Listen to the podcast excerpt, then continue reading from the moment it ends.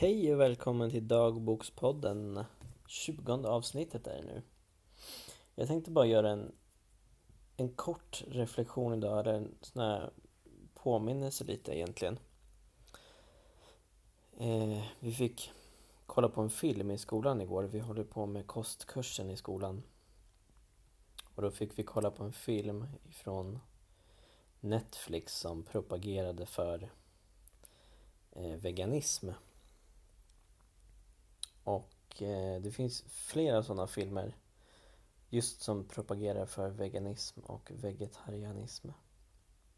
Eh, och grundbudskapet är helt enkelt att man ska äta mindre eller sluta äta kött.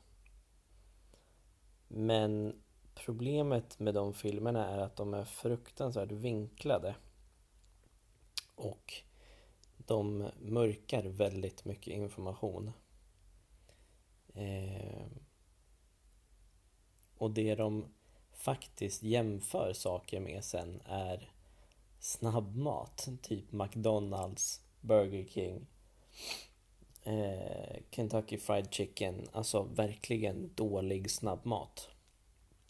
Så de jämför liksom inte rent kött med veganism utan snabbmat som vi vet är dåligt för att oavsett om det är kött eller grönsaker så finns det dålig snabbmat som, är, som förstör våra kroppar. Så att de är väldigt vinklade och eh, ja, man lämnar ut mycket information som eh, som gör att folk lätt blir lurade om man, om man inte tittar på en sån film med, med kritiska ögon. För det, är lite, det var lite det jag ville ta upp idag. Att eh, det är jätteviktigt att när vi får information ifrån någonstans, vart det än är och vem det än är ifrån, att vi ställer oss kritiska till det och verkligen utbildar oss själva eh, innan vi gör förhastade slutsatser, så att säga. För jag har varit där också, jag har verkligen varit där. Jag tittade på en, en annan film som propagerade för veganism för några år sedan. Eh, och då blev jag verkligen helt såld på den och tänkte att shit, jag måste sluta äta kött. Så då gjorde jag det. Jag blev vegan under ett tag.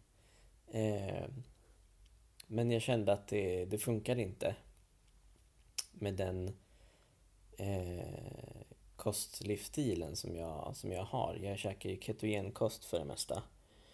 Eh, och det blev väldigt svårt tyckte jag när man ska äta vegant, veganskt på det så att säga. Så då gick jag över till att äta vegetariskt istället.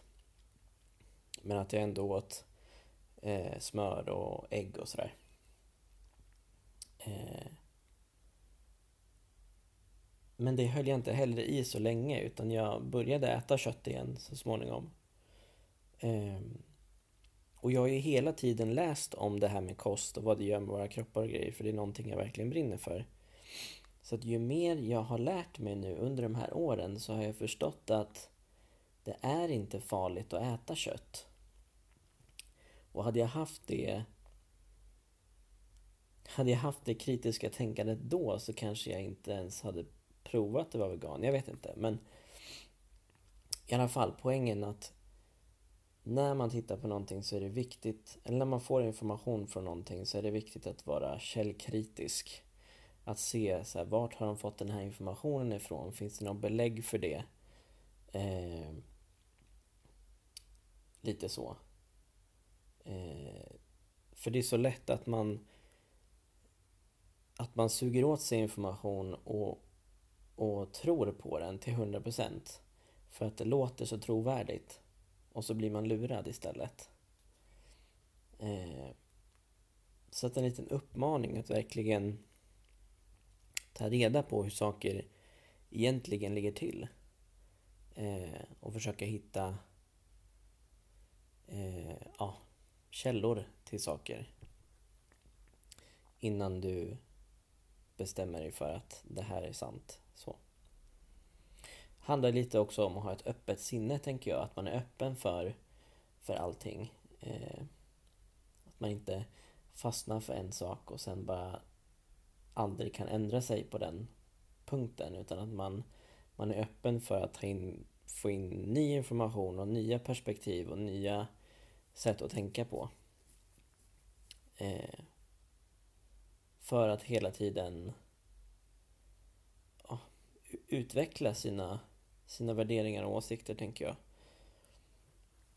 Eh, så att vi inte fastnar i, i det vi är just nu, utan att vi kan, att vi kan komma framåt och utvecklas i vårt sätt att tänka och vara och sådär överhuvudtaget. Så summa summarum, var källkritisk och använd dina kritiska ögon och tankar när du eh, får information någonstans ifrån. Mm. Det var det. Tack för idag.